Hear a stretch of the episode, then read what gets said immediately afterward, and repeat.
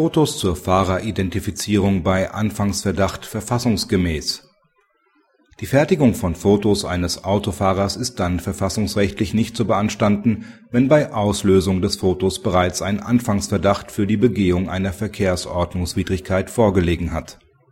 Der Betroffene wurde rechtskräftig wegen einer fahrlässigen Überschreitung der zulässigen Höchstgeschwindigkeit verurteilt. Der Verkehrsverstoß war mittels einer geeichten Messeinrichtung festgestellt worden auf den angefertigten Beweisbildern war der Betroffene zu erkennen.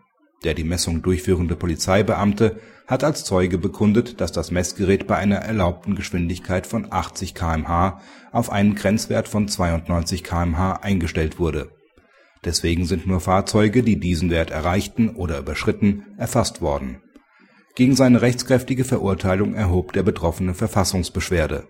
Das Bundesverfassungsgericht hat die Verfassungsbeschwerde nicht zur Entscheidung angenommen es verweist darauf, dass bei einer Bildaufnahme, bei der der Fahrer und Kennzeichen identifizierbar sind, ein Eingriff in das allgemeine Persönlichkeitsrecht in seiner Ausprägung als Recht auf informationelle Selbstbestimmung vorliegt.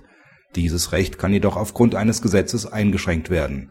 Soweit die Fachgerichte als entsprechende Rechtsgrundlage § 100h Absatz 1 Satz 1 Nr. 1 StPO in Verbindung mit § 46 Absatz 1 Ordnungswidrigkeitengesetz herangezogen haben ist dieses verfassungsrechtlich nicht zu beanstanden.